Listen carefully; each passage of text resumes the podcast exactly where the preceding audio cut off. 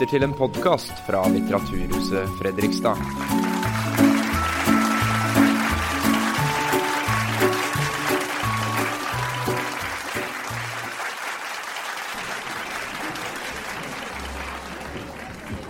Dear all, I'm Merete Lee, and I'm happy to welcome you all to, to an evening with no other than the American novelist John Irving. Before we open this house back in 2012, we started to make lists, all sorts of lists. One category of lists was lists of writers, academics, and politicians we wanted to invite, both Norwegian, Scandinavian, and international names. One of the lists was called Wonderful International Writers We Would Love to See in Fredrikstad. On top of that list was, of course, no other than the legendary John Irving. And ex- today, exactly three years after we opened, he is here to discuss his new book.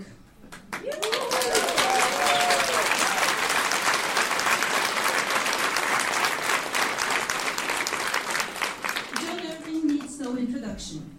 His 14 novels, among them The World According to Garp, A Prayer for Owen Meany, and The Cider House Rules, are commonly considered American masterpieces. They have been translated into more than 35 languages, sold tens of millions of copies, and won too many awards to list here. Several of his books has been transformed into film. In 2000, his screenplay adaptation of The Cider House Rules brought him an Academy Award. John Irving rose to fame with his fourth novel, The World According to Garp, published in 1978. The journalist who reviewed the book in New York Times tried to explain why he liked the book so well. He wrote, You grow extremely attached to the main characters. You find yourself laughing and getting shocked at the same time, and you accept the strangest things to occur. The way Irving filters them through his hero's unique imagination, we not only laugh at the world according to Garp, but we also accept it and love it. I believe he put words to why John Irving has so many devoted readers all over the world. Sexual minorities, people in physical differences, bears, circuses, wrestling, boarding school, violent car accidents, miracles, loss or the fear of losing, anxiety, grief, the passage of time, these are ingredients often present in his books. Quite a few of these elements are also present in his new book. John Irving is here tonight to speak about his 14th novel, Avenue of Mysteries, in Norwegian called Mysteria Avenyen. And we are happy that the Norwegian journalist Inger Merete Hobbelstad will discuss the novel with him. Hobbelstad works for the daily newspaper Dagbladet, writing film and theater critics and commentaries. Before I leave the stage to John Irville, Irving, I will share with you a quote from Garp, I believe suitable for the occasion. Maybe television causes cancer, Garp thinks, but his real irritation is writer's irritation. He knows that wherever TV glows, there sits someone who isn't reading. Please welcome John Irving and Emilia Trevor.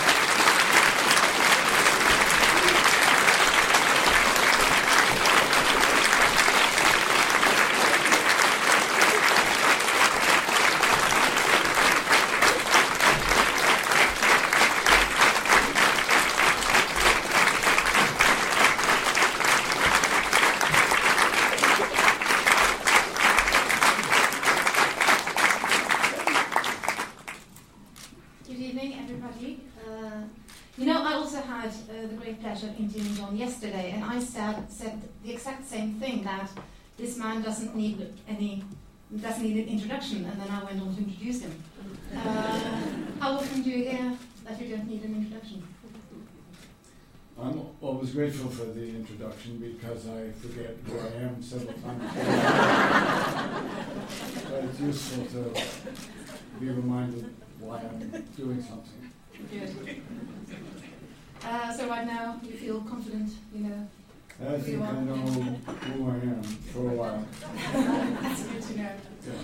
Yeah. Uh, there are so many things to talk about in your new novel, The Avenue of Mysteries, but uh, and it takes the reader and the main characters many places.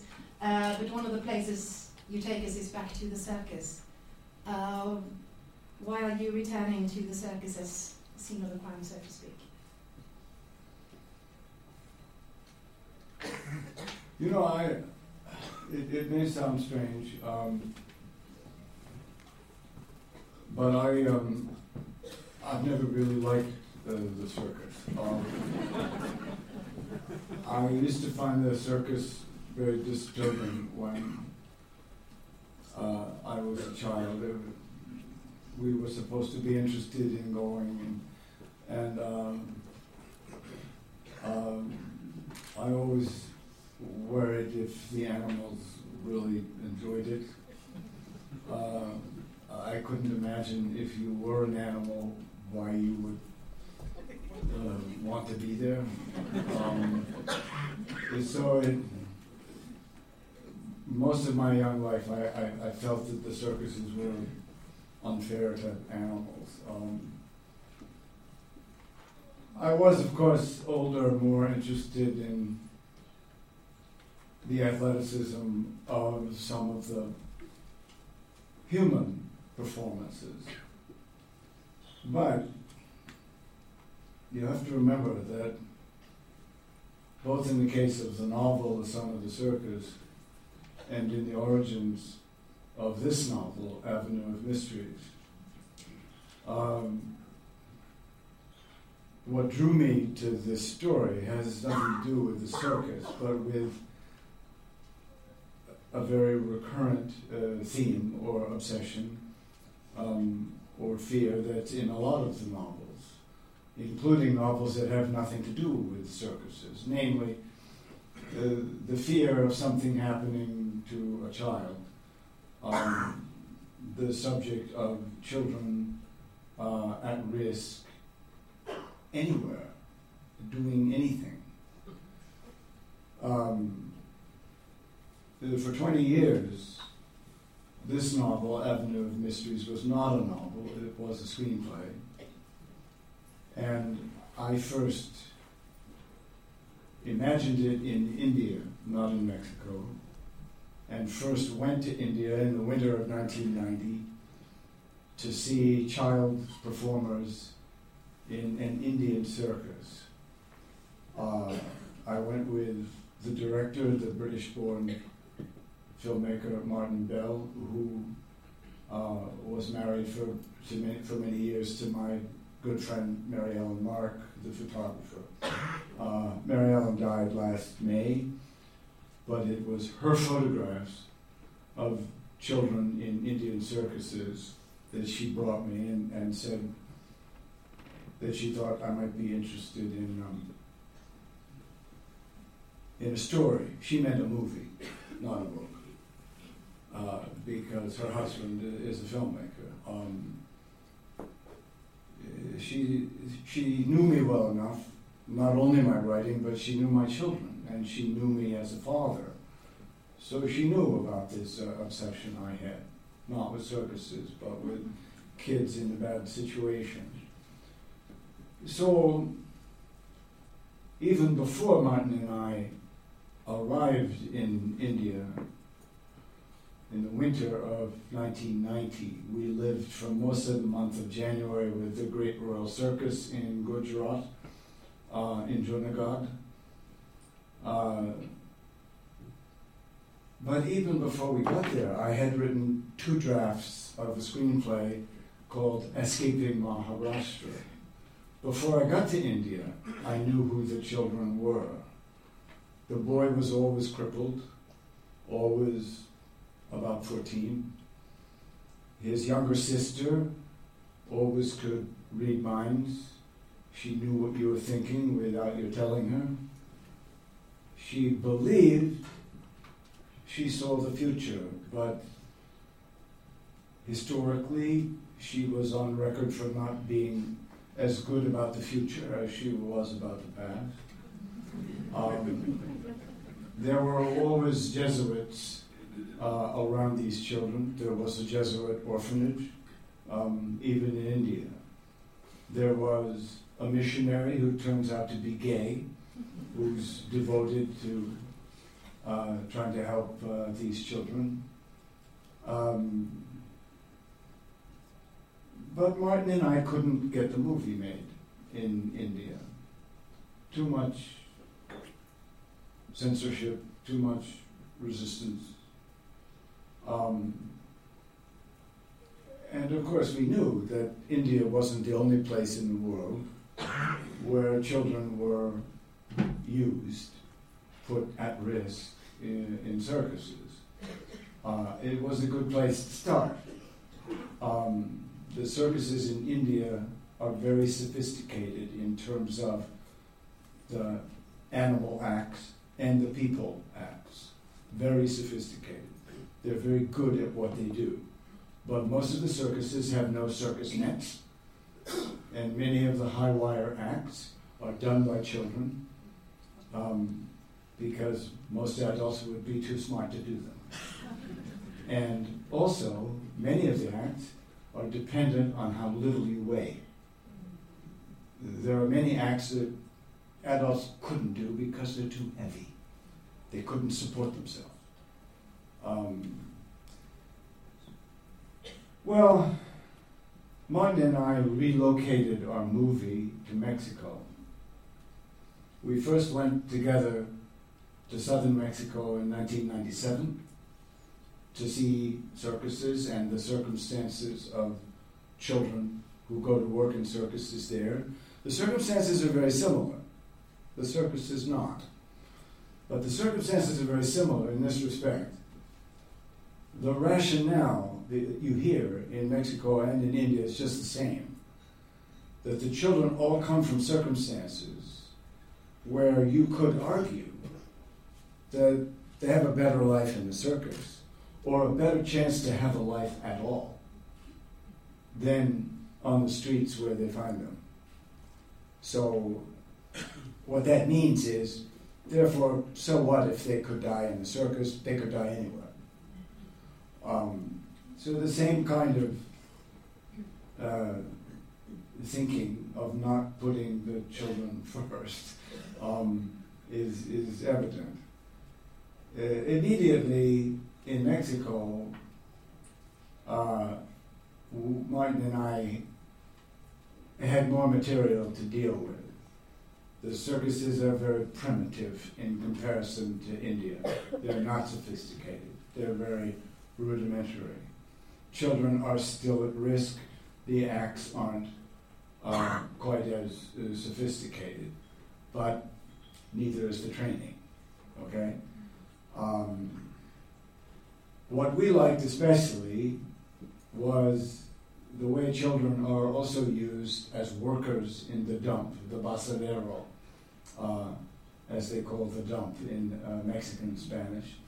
Uh, Niños de la basura, they call these children children of the rubbish. They are uh, what the Mexican calls uh, los pepenadores, the pickers, the scavengers.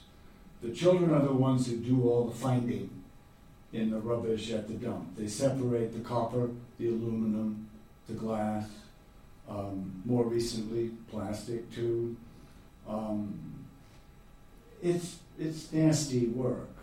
They wear big, heavy boots so they don't get pricked by needles, discarded needles and syringes. Um, the dumps are full of dogs. Um, uh, in the 1970s, when this novel is set, um, they were also full of smoke. They burned everything that would burn. Um, nowadays, there's better concern for the environment. They don't have so many fires. There are more restrictions regarding what you can burn. The children are still the ones who do the picking. The children are still the workers in the dump. That hasn't changed. Um, I guess that means they care more about the environment than they do about the kids, right? Um, so all that's a very long way of saying it, it's not the circus that interested me in the circus, if you see what I mean. Um, but for 20 years, this was only a screenplay. It was only about what happened to Juan Diego when he was 14 and to his sister Lupe when she is 13. It was only that window of time. I like movies where not too much time passes. That is, I like them as a writer. I'm only interested in writing a film if I can see a story that doesn't happen in too much time. I don't like movies where you have to change actors to represent principal characters because the characters get older. So you need a kid to play the character as a kid. You need a young man to play the character as a young man. You need a third actor. I don't like those movies. Um, it's the absence of a passage of time. If I can see how to do that, then I'm interested in the story as a movie. But staying on the subject of children, you very often write from the point of view of children. Why do you choose to do that? And also, what do you do to make a child's way of thinking convincing? In what way do we think differently as children than we do as adults? Well, there's lots of different forms of storytelling. For centuries before anyone wrote a novel, uh, there were plays. Um, uh, and now we have uh, movies too. The passage of time is best done in novels. Why? Because you can create a character who's a child in a novel and see that character grow older, uh, even become quite elderly. And you never lose the sense you had of that character as a child, including the voice. So that I like children's voices. I like the innocence and the tone of discovery with which they're seeing things. It's no surprise that many of the characters in my novels are very deliberately between the ages of 12 and 14 or 15 when something awful happens to them that not only changes their life, that not only is life lasting, but is also responsible for the kind of adult they'll become. So that in a novel, as a character grows older, you never lose sight of who they were as a child. You, you, you don't just remember what happens to them as a child, you keep something of the innocence that was in their voice when you first created the character.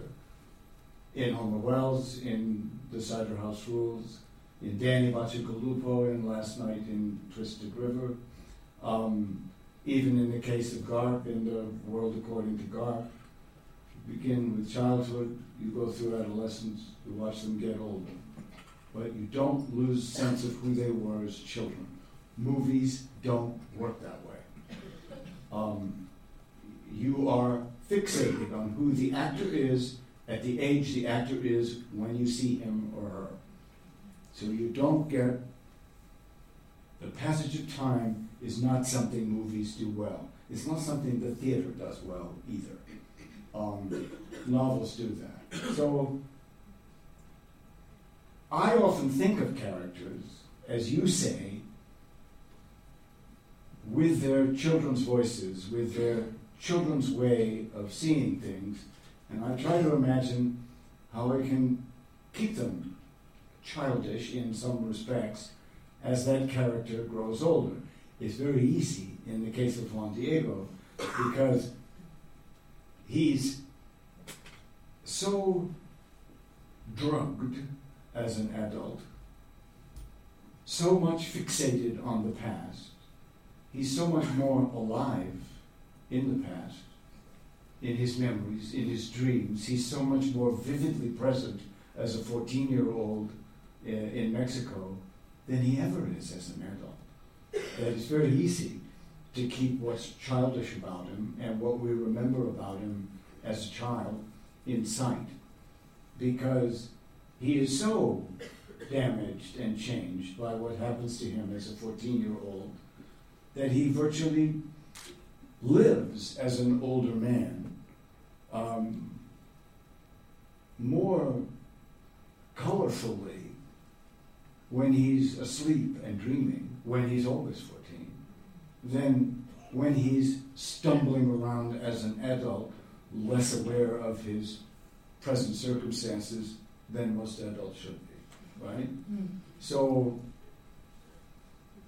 I often see, when I see characters, I see them as children first, and I try to keep what you call the voice of a child or the point of view of a child alive in them. That doesn't work so well in a movie. For example, Martin and I went to Mexico first in 97, again in 2002, in 2003, in 2008, and 2009, last in 2014. For much of that time, for 20 years, this was only about children. This was a story stuck in the past. It was just a movie. But on a trip we took to Mexico between Christmas and New Year uh, of 2008, as the year was changing, as 2008 was becoming 2009, we were returning from an awful circus about two hours outside of Mexico City, up in the hills. We were driving back into Mexico City that night, and that was the first time, uh, 20 years after we began together. It was the first time I said to him, if this were a novel, if Avenue of Mysteries were a novel, I would begin 40 years later when Juan Diego is not 14, when he's 54, but looks 64, acts and behaves sometimes like he's 74 or older. And he's on his way to the Philippines to keep a promise he made as a 14 year old to a draft dodger in Mexico. It's a bad reason to go anywhere. Uh, it's an unrealistic reason to go all the way to the Philippines. But that's the kind of guy he is. He keeps his word. Uh, it's a promise that most of us as adults would not feel burdened to keep.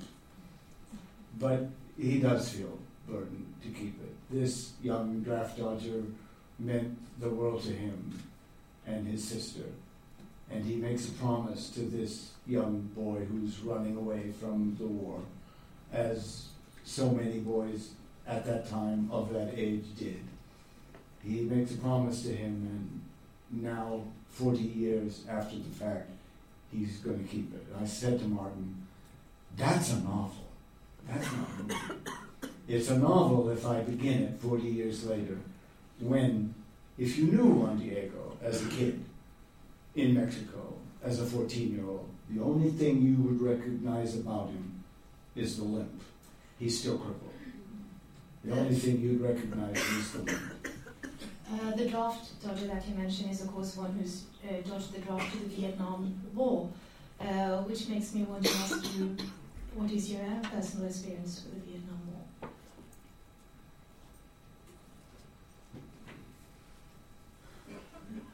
Not very interesting. Um, uh, I went into officer training in Pittsburgh um, in the U.S. Army in 1961, before there was a war in Vietnam. Uh, the war didn't really start until 1963. Um, but uh, I was in an officer training program that meant when I graduated from university four years later, um, I would be uh, an officer and uh, ready to do my military service sometime after that. Um, I didn't know that President Kennedy um, put into effect sometime in 1963 um, a rule that if you were a father, uh, you were not permitted to serve in combat. Uh, Kennedy believes that fathers should not be in contact, uh, in combat. Um, I suspect he was right. Um, I suspect it's a, a bad distraction to have uh, if you're a young officer who's supposed to be a, a platoon leader and um, you're worried even for a minute about what happens to your child if something happens to you. I can see why that's a bad idea. I can see why that's. I don't know that that's why Kennedy did it, but um, now that I've been a father uh, several times, I kind of think that he knew what he was doing. Um, but I don't really know why. Um, but it was a rule that I didn't know existed, so that um, later, when I was still in university, when I got a girl pregnant and married her and had a child, uh, I didn't realize that by doing so I had disqualified myself uh, as officer material. And when I first um, told uh, the lieutenant colonel, who was my commanding officer, that um, I'd had a, a, child, and he was very upset with me. Um, he, he let me know that the U.S. Army had wasted a lot of time and money on me, and that I was now of no use to them. Uh, and of course, being young, wanting to be a writer, I was disappointed. Uh, I kind of, by then, of course, I knew that I wasn't, despite the fact that um, the, the, Army had approved of my uh, studying in a German speaking country so that I could speak German. And for a time, I imagined they would send me to Berlin. Well, they, they weren't going to send any uh, possible platoon leaders to Berlin in 1965. Um, so I figured out that, of course, I would be going uh, to Vietnam. But when I was told uh, I was done and I wasn't going anywhere, um, I, remember feeling very sorry for myself. I was sorry for myself that I, I got a girl pregnant and had to marry her in the first place. Um, I was sorry for myself that I was still a university student and I already had a child. Um, and I was uh, additionally stupid enough uh, to be sorry for myself that I wasn't going to get to see a war. Uh, I suppose it didn't at that age occur to me that um, I might very well have died in it. Later, after everyone who was my friend, who was in officer training with me in Pittsburgh in 1961, later, by 1968,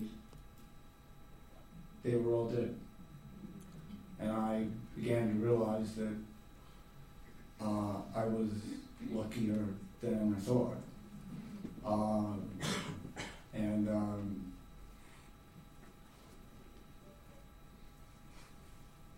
the boy who was my first uh, son is in his 50s now, and he has two children of his own. Um, but he hasn't uh, forgotten who kept me out of Vietnam. uh, and so whenever we have an argument about something, a book, a movie, a football game, or whatever, um, he, he says to me, pointing the finger, he says, "Don't forget who kept you out of Vietnam." I always say, Yes, sir. Because I remember uh, very well. Um, but my going back to the book, uh, everything except the dump kid part, everything that was in the Mexican screenplay was also in the Indian screenplay, except I always wanted a draft dodger. Uh, I wanted a draft dodger to befriend these kids. And of course, it was difficult to make believable or credible that there would be a draft dodger in the Vietnam years who made it all the way to India. That's a novel in itself. That's a tough trick. Uh, but by moving the story to Mexico, it became easy and obvious because shortly after Nixon was elected in 68, on the promise that he would end the war in Vietnam, which he did not, um, shortly after his election, by the 1970s, the protests against the war in Vietnam in the US had really turned. There were many more of them, and there were many more draft dodgers too. There were many more people escaping to Canada and to Mexico because those were the bordering countries. Um, and, and so the character I called El Gringo Bueno, as the kids call him, the good gringo, uh, it was not only easy to imagine, uh, southern Mexico and Oaxaca in particular was full of them. Um, uh, the runaway hippies, the Mexicans call them. Um, and so it was easy to put this boy uh, there very credibly.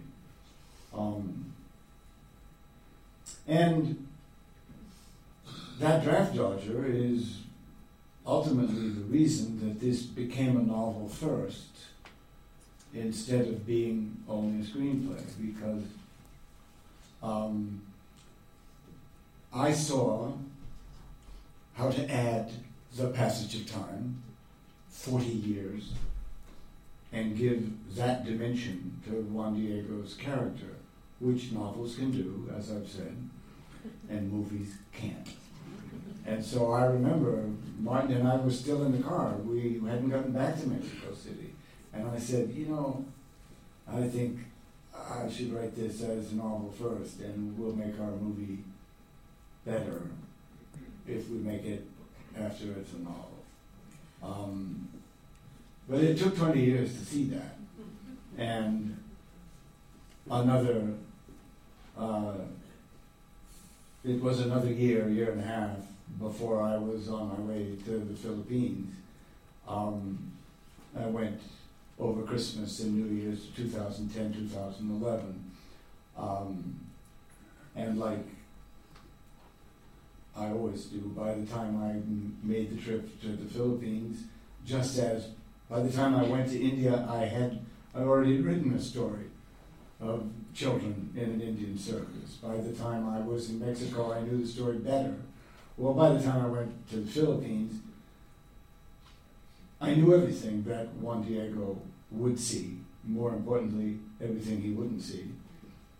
Uh, I knew what my plans were for him, and they were very different than his plans or his reasons for going.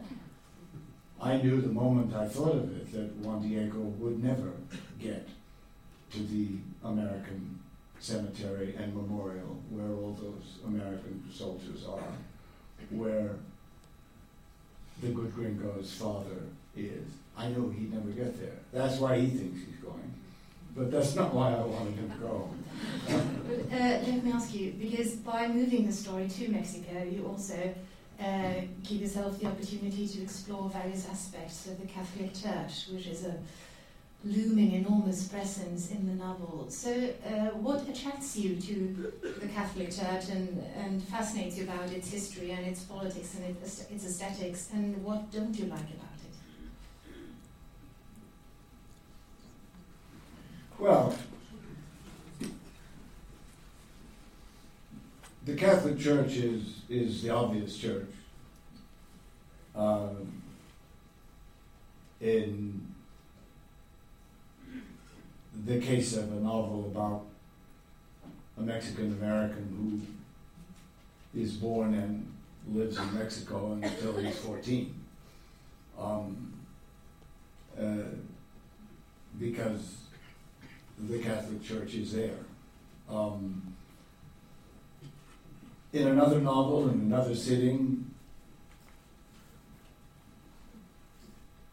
I think the points I, I want to make about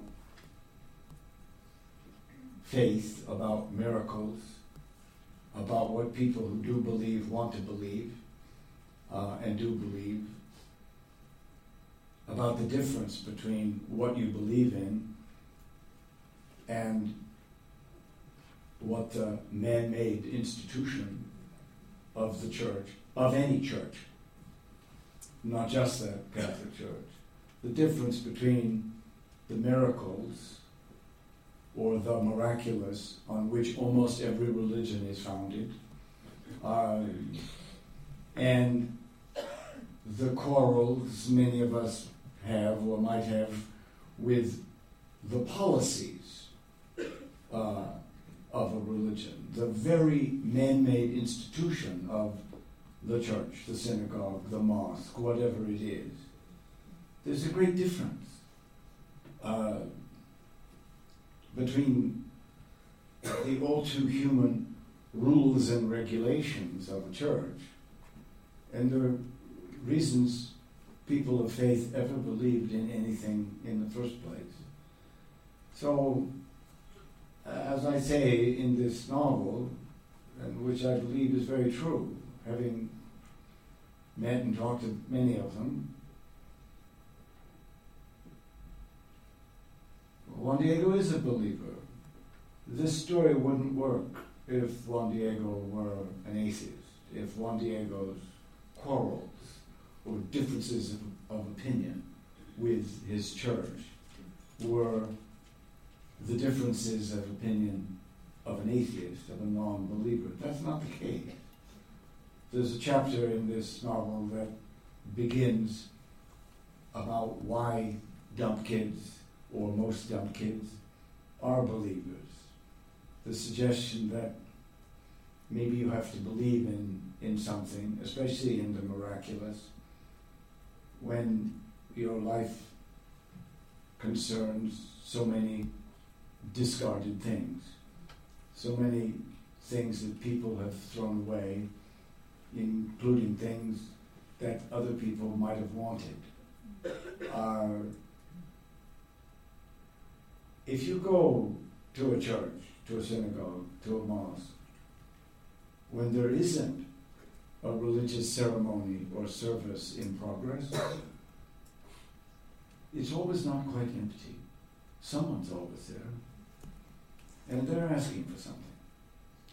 Someone's always there and they're praying for something. Uh, something's wrong and they're asking for help. Um, they're not asking the priest, they're not asking the mullahs, they're not asking the rabbi. They're asking something else for help. Um, and uh, it's it's the miraculous part of any faith that creates the faith.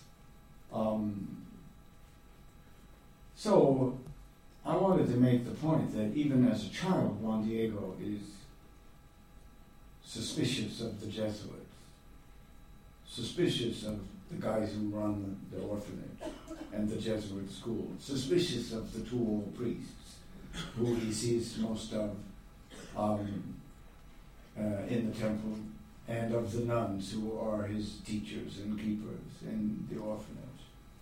Um, but both he and Lupe um, do a little virgin shopping around Oaxaca. In most parts of Mexico, in southern Mexico, for example, you have more than one virgin you could believe in. Of course, there's the Virgin Mary, always the biggest deal in town. Um, or usually the biggest presence in most churches, with the exception of the Guadalupe Basilica in Mexico City itself. But there are other virgins. In southern Mexico alone, the Soledad Virgin, the Guadalupe Virgin. Are they versions of the Virgin Mary? Yes, in a way. Are they different from her, distinct from her? Do they have different histories? Yes. Do some people believe in one more than another? Yes. Well, in the beginning, Juan Diego and his sister don't they don't like Mary very much. She's too big. Lupe thinks she's a bully. The statue in the temple is referred to as a monster. Lupe calls her the Mary monster. The old dump boss who tries to look after the kids, Rivera, is disparagingly referred to as a, a Mary worshiper. It's not a good thing to be, in the kid's opinion. Lupe begins calling herself, I'm a Guadalupe girl. She's, she's all for Guadalupe. But Guadalupe ends up disappointing her. Uh, and there is a miracle befitting of a novel called Avenue of Mysteries, which is the name of the street in Mexico City, by the way. Avenida de los Misterios is the name of the street in Mexico City that leads to the Basilica to Our Lady of Guadalupe. It's the street the pilgrims take when they're going to worship there. It's a holy street. The mysteries of the title and of that street are religious mysteries. So that's where the title comes from. And the name of that street. well, let me finish, please. you asked, I mean, let me finish. Um, the point is, Juan Diego has a lot of differences of opinion between himself and all the things he doesn't like about the Catholic Church, uh, which are easy not to like. Um, but the Virgin Mary comes through for these kids. The Virgin Mary delivers. Um, there is a miracle, and she's the one who uh, provides it. Uh, and I suppose I, I, I, kind of take Rivera's side, the old dump boss, who says at the end, when nothing will help Juan Diego's situation but a miracle, and he gets one. Uh, the Virgin Mary um, uh, does uh, deliver. And Rivera, pointing to the statue of the Virgin in the Jesuit temple, but speaking to the two old priests, says, I come here for her, not for you. Well, I don't think Rivera is the only one who feels that way. Uh, I don't think Rivera is the only one who feels that way in other religions too. It's not the man made institution you like, it's not the man made rules, um, it's not the spokespersons for a church um, or the church's rules and regulations, the do's and don'ts. It's the miracle that made you believe as a child or not. Um, so, um, I don't think the novel means very much uh, if Juan Diego isn't um, a believer. Because I know you know, I construct my stories, screenplays, or novels from the end to the front. I begin knowing what happens at the end of the story long before I decide where you should enter the story. That's the last decision I come to. I begin with what has happened at the end. That leads me to where you should jump into the story, where the story should begin for you, the reader, the audience, film or book? Um, well, this is a an orphan, this kid. Juan Diego is left alone. The Catholic Church owns him. Uh, what will happen to the rest of his life? His mother is dead, his father's not stepped forward. Uh, he's all alone. And those two old Jesuit priests in the Society of Jesus, they own him. Where he goes or where he stays is their call, it's their decision. And I always ask myself very simply when I was thinking about this story, uh, now, 25 years ago, what's it going to take for the Catholic Church and two old and conservative representatives of it What's it going to take to allow the only people who want to adopt Juan Diego to adopt him? One is a homosexual man who gave up on being a priest, and his lover, a former transvestite prostitute. So at what point in the history of the Catholic Church in Mexico, not to mention back in 1970, but how about today? At what point does the Catholic Church in Mexico let a 14 year old boy be adopted by two gay guys, one of whom has left the church? What's it going to take to make them give him over? Well, I wasn't kidding when I thought the Virgin Mary herself would have to get involved. Uh, that's the only way it happens. The Virgin Mary herself would have to do something that would make those two old priests step aside. Right? Nothing else works. So the, the miracle I'm looking for is a kind of human one. No way in hell does the Catholic Church give up a 14 year old boy to two gay men. That's not happening. Right? Unless, unless, because storytelling is always a function of, you know, what if, what can, what might, what should happen. It's a what if proposition. So that that part of the story has been there forever. Um, since you're writing about the Catholic Church, you're also writing about several people who are celibate, who aren't all these things, they're not going, going to have sex in their lives. You're also writing about sexually rather voracious uh, people. What is interesting to you about those two situations, about having very much sex and then having no sex at all?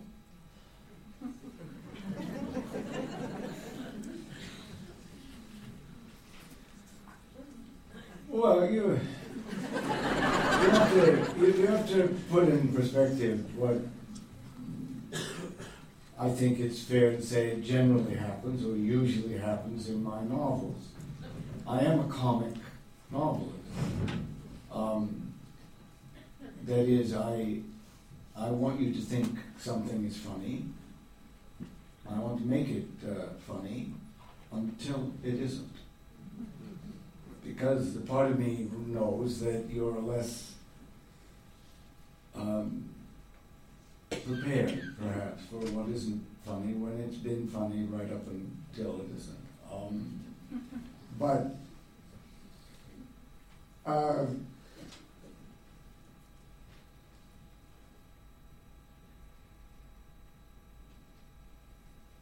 the issue of other people getting involved in other people's sexuality has always pissed me off. Um, and so I look for ways to be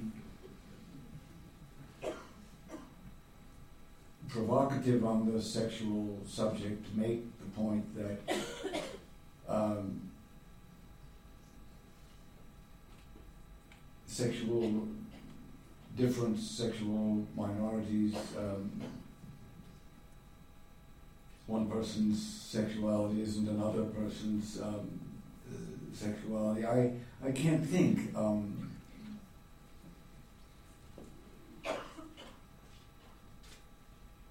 of an activity in in life other than sex that has there really should be uh, less other people's business than sex is. Nor can I think of a single human activity that is as interfered with and judged as much. Um, there's there's almost nothing that we're as judgmental of as we are judgmental of sexual behavior, um, especially of the behavior of sexual minorities, which is another way of saying people who behave sexually differently than we do or we think is proper to. And and churches are inseparable. Not just the Roman Catholic Church, but most churches are inseparable from the dictates of what sexual activity should be, the parameters of what sexual activity is allowed. So it, it is a, a subject, a recurrent um, subject. Most of the characters in my novels who are celibate, who are uh, who simply abstain uh, from sex, uh, are people who've, who've, who've made an unusual or an eccentric or an extreme reaction to how much trouble people get into sexually. And it's, uh, it's not an argument that people get in trouble sexually. They do. Um, if there's a way, they will. Um, but there are people who who don't necessarily tell other people how to have sex, but they they're they're usually quite likable people in my novels. Um, but they they've come to this decision that the best way not to get in trouble of a kind they've seen too much of um, is is just not to have sex at all. and and most of these characters have a good reason for making that decision. Garp's mother makes that decision. Jenny makes that decision. Dr. Larch comes to that conclusion. He's seen enough of the trouble people get into sexually to make up his own mind about that, and he says, well, simply not. Um, not is better than any. Um, I understand that. Um, uh, this is not the first novel about um, uh, a failed uh, attempt uh, to be a priest. Um, a, a, a well-intentioned soul who um, uh, who subscribes to the celibacy of uh, the priesthood, but who, who, who just doesn't make it. Um, uh, and a lot of people don't make it. Um, uh, a lot of people to, uh, take those vows and go down that road, and they, don't get there. Um, uh, and uh, and they have, for the most part, a, a, a pretty difficult re-entry process into the um, non-celibate life, as you might imagine. Um, but I, um, it, it, it's kind of, at least in a novel, I find it uh, an eccentric or extreme choice that's, that's um, usually motivated by a very good understanding of the world. um, it's, it's, a rather extreme thing to do, and in each case, uh, these characters are more than a little uh, uh, eccentric. Um, but they're positive characters. They're good characters, all of them. Um, uh, they're characters you like. Um, they're, they're, they're characters who, who have your sympathy, um, uh, even if you think they're strange. Um, Senor Eduardo in this book, uh, Martin Mills in uh, Son of the Circus, Jenny in The World According to Garp, Wilbur Larch in The Cider House Rules. These are not unsympathetic uh, characters. They're difficult characters. Um, if you had to deal with them, they would probably make you angry. Um, but I think as characters, most of us um, respect them or like them. But very many of your characters are very sympathetic. You grow very fond of them. Do you grow fond of them when you write about them? Do you, uh, and when you're putting them through the things you put them through? Do you? How do you feel? You know, it's not. It's not my job to grow fond of them. Um, I'm. I'm. I'm the architect. I'm. I'm building the story. It. It is my job if I want you to sympathize with the character, to, to try my best to make you like him, to try my best to make um, you love a character or at least uh, feel empathy, feel sympathy for the situation a character is in. It's, um,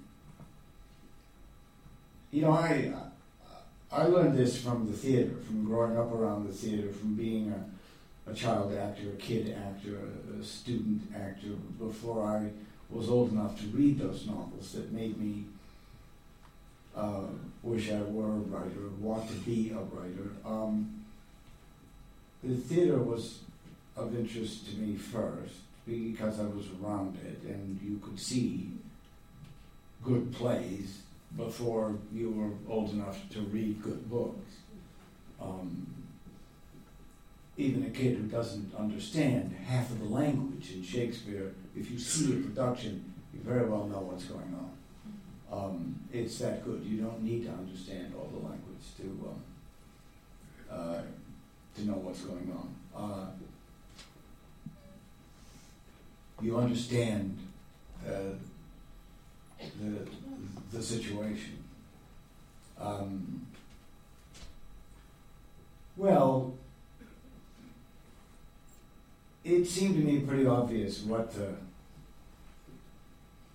the way to tell a story, whether it was on stage or, or in the novels I liked, was. You you don't care what happens to a character if you don't like the character or have any sympathy for the character. What do you care what happens to someone who's not earned your sympathy or your affection to any degree? Why would you go to the trouble to find out what's going to happen to them? Why would you care what happens to them if you don't have some emotional, psychological stake in, in what becomes of them? So it seems to me that the that my job isn't loving characters or caring about them. my my job is is to see that you do before I begin to make everything go wrong. In other words, my novels, all of them, are worst case scenarios. Something something bad is always going to happen, and it's it's probably going to happen to the character you like most. That's probably the intention, and that's probably where it's going. And not only that, but I want you to sense, as you do in most theater, I want you to I want you to be able to anticipate what's going to happen. I, I want you to guess what's going to happen, and I want you to be mostly right. Mostly. There's always something I'm not going to tell you. You might know what's going to happen, but you don't know how. Um, uh, or you might know how, but you don't know when. Um, so you have to hold some things back, yes. Uh, as you do in, in the theater, you do in a, in, in, in a novel. Um, but you're more invested in what's going to happen if, if you know a little bit about it, or you think you do. Um, so, in order for that to happen, I, I have to make you a little bit afraid of what's going to happen. I have to plant that seed or that suspicion, right? Um, and that's where the majority of the what I call architecture or what I call the the pre-planning, the predestination of a novel. That's why they take a long time. That's why they wait often eight or ten years before I begin writing them until I know virtually everything that I want to happen and the order in which I want you to know about it and what I don't want you to know about it. I, I, I, that's why it's common for me that a novel sits gathering information, gathering detail, character sketches, storylines, um, like a map. Um, often for 10 or 12 years before I even started. And then when I started, it's often going to take four or five more years. But the period of, of it sitting and waiting is always longer than it's going to take me to write it when I get around to it. Always. Maybe not 20 years as a film before it becomes a novel. That's a little different. But Last Night in Twisted River was always a novel, only a novel, and it waited 20 years before I began it, and it was always what it was. The whole story was always what it was. I just always looked at it and thought, no, not you, I'll start you later, and started something else. So this is this is a little bit unusual in that it, it, it had its origins as a screenplay, but the period of waiting, the period of time, eh, it's not that unusual. Uh, I was going to say, by the worst case scenario thinking, about an hour ago we were closing the door to the room where we keep our coats to get coming down here, and the door had an automatic, automatic lock. Uh, and the minute the door closed behind us, between us and our coats, John was saying, we're never going to see them again.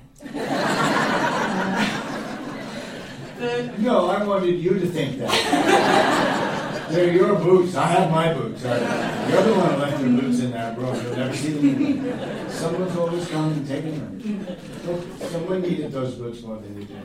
Well, that's that's So, correct. yeah. But uh, that means that uh, the hour is shortly coming to an end. But I thought I wanted to have time for one question before uh, before we finish up here. Uh, in the novel, there are doubts as to who is the father of these two children. Very many of your main characters don't know or are uncertain about who the father is. Why is this something you tend to return to in your stories? This particular situation and uncertainty.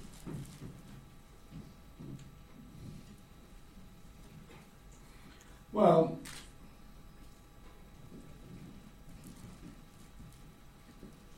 uh, it's a good way to begin uh, a child's life with with um, it, it, it's a good mystery for a child to have. Um, Too much is is made of my own case in that I never met my actual father. That is, when not when I was old enough to have uh, remembered him. Um,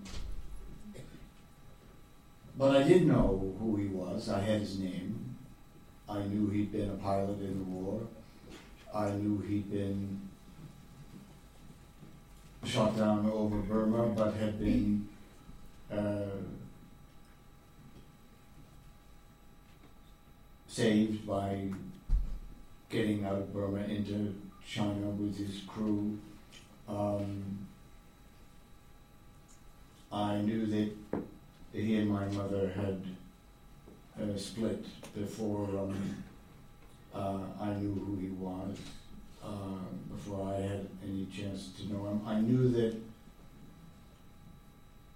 she didn't want me to see him or expect that I would see him, and she didn't want to talk about it. But uh, she was never mean about it, and as I say, I mean, I, I, I, I knew who he was. I had his name uh, for the first four years of my life. Um, I, I was John Wallace Blunt uh, Jr. And when I was a young child, I wondered or I imagined uh, why he wouldn't uh, see me. I thought maybe he was dead. I thought maybe he was um, a bad guy and they were keeping him from me. But I didn't think about it very much because it wasn't a secret. You can't really have a secret about who your father is if you're named for him. And and my cousins assured me that when I got older, I could always go find him because the military would help me look for him. But none of that happened because uh, my mother uh, uh, met someone and they got married and I was adopted. So my name became my stepfather's name. And uh, he he was a great guy. He is a great guy. He's still alive. My mother's dead. But he's still alive. And, I, you know, I see him um, uh, as much as I can. And he lives in New Mexico. And um, he's always been a very, perhaps the most uh, positive grown up in my life. So, if he'd been a bad guy, if he'd been like stepfathers in other stories, if he made me unhappy or made my mother unhappy or left her, I might have been interested in going to find my father. But the truth is, I never was. The truth is, it wasn't as interesting as all the missing fathers in my novels, who do have interesting things wrong with them. And there are interesting hatreds between these missing fathers and the mothers, seething hatreds that are very complicated.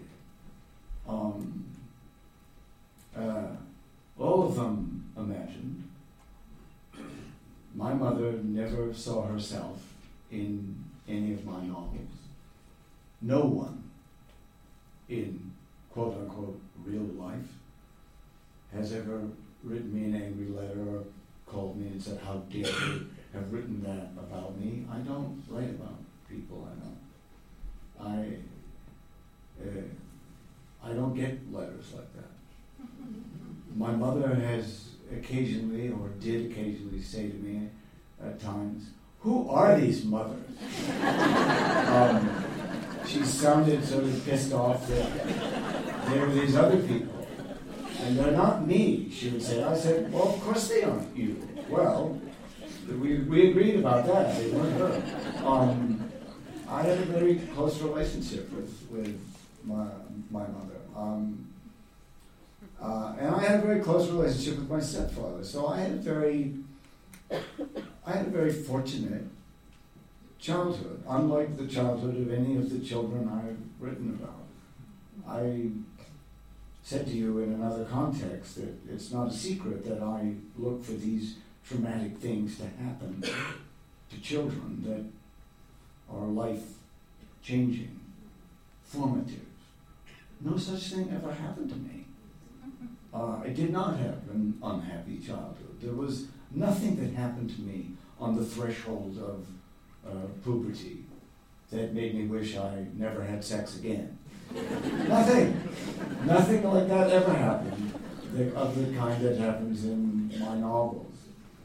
And many years after the fact, um, my cousins, my friends, my cousins occasionally, my older cousins, would find where John Wallace Blunt, my father, was living. They'd say, well, he's living in Michigan, or he's living in Washington, or he's living in Philadelphia, or and I would say, well, go see him if you're interested. I didn't. I felt, especially after I was older and was publishing books, I felt that if something was wrong in his life, he might come looking for me. And I kind of hoped he didn't. I kind of hoped, I kind of imagined that if he ever did come looking for me, it would be because he needed something. Um, and I wasn't ever sad that he didn't come looking for me, and I thought I would pay him the courtesy, respect, or it would, it's so easy to find him. The military would have helped me. He had a rank. Um, I knew what it was. Um, and he'd been in a flying Tigers. They would have, they would have been a heartbeat. I was named after him. Uh, he had to approve and did approve of my adoption, my change of name. So it, it's not a, it's nothing I would ever write about. My father. Even more so, years later, I was already in my 50s when I met two brothers and a sister who had also been his children with different women. And they all said the same thing about him. They all said that he was uh, a nice guy and he was a nice father and, and that um, he had told two of his, his children that he regretted that he uh, got a girl pregnant and married her and then left her and that and that she didn't really want him to see me and he regretted that that he didn't see me. Uh, he, he kind of told this to two of his sons. In fact, he told it in a very interesting way to my younger brother when my brother was 22. On his 22nd birthday, my father said, well, happy birthday. When I was your age, um, I got a girl pregnant and she had a kid, and I never get to see him. So be careful. And I always thought, well, it sounds like something I would say. you know, it sounds like the right thing to tell your 22 year old son. Be careful, right? Be careful who you get pregnant because you don't know what the hell's going to happen. That's what he was saying. So, I mean, this is not a novel, or it's a very boring novel. I mean, I would not write this novel.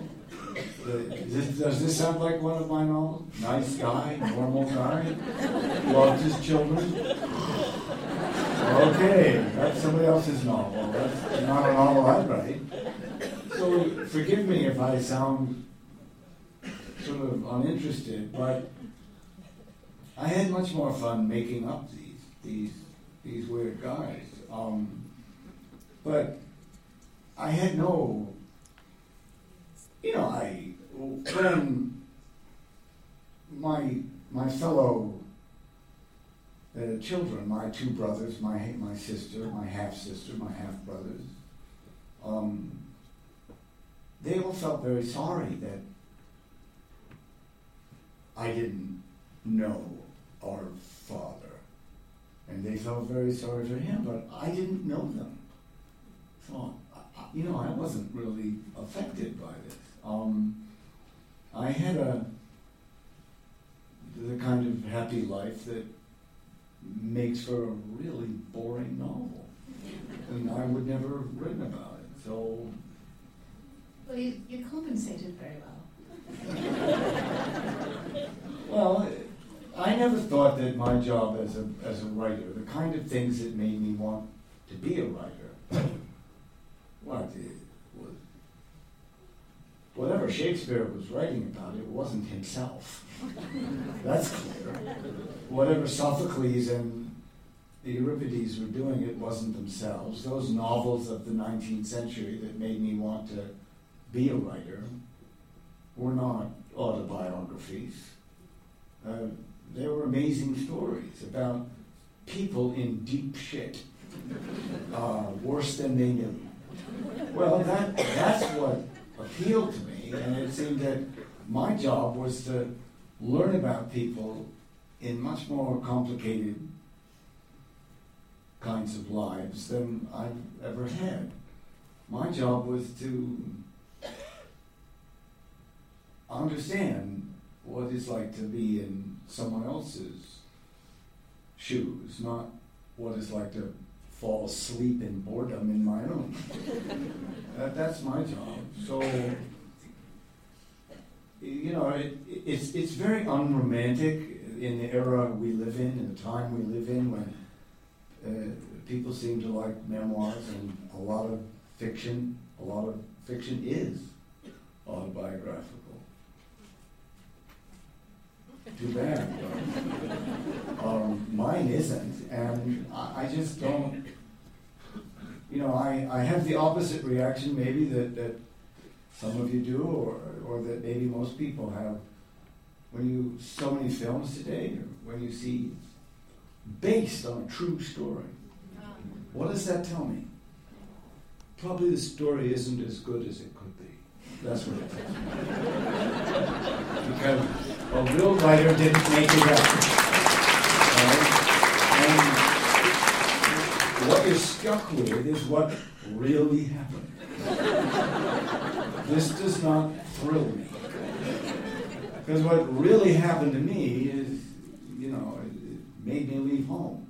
I gotta go where something happens, you know. I mean, it, it, it's, it really is like that. Um, so I, I, I, guess I, I guess I just don't think the material of my own life is. Uh, I never wanted it to be interesting. You know, I'm very happy I have an ordinary life because I, it doesn't kind of get in the way. Uh, I never wanted to have a, an exciting or tragic life. You know, I never wished I had had a, a life like many of those lives I write about. I don't want that life. Well, uh, on that note, uh, I'd like to thank you so much for filling up uh, an hour and, oh my dear, an hour and 20 minutes out of all our ordinary lives. Uh, uh, this was surely uh, one of the best ways we could have spent that little passage of time. Uh, so I'd like you to say to say thank you to all of you for coming. Thank, Thank you to. John Owen. Thank you Thank to you. Literature House.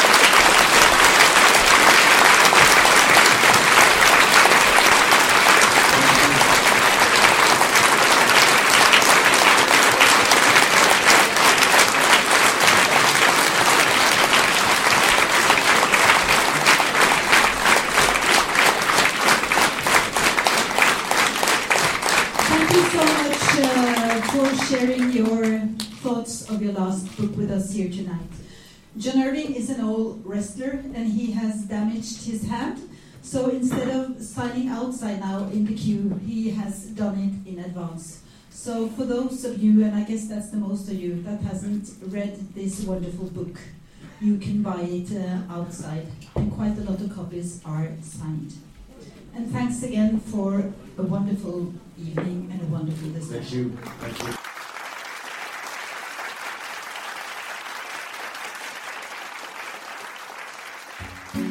Nå har du hørt en podkast fra Litteraturhuset Fredrikstad.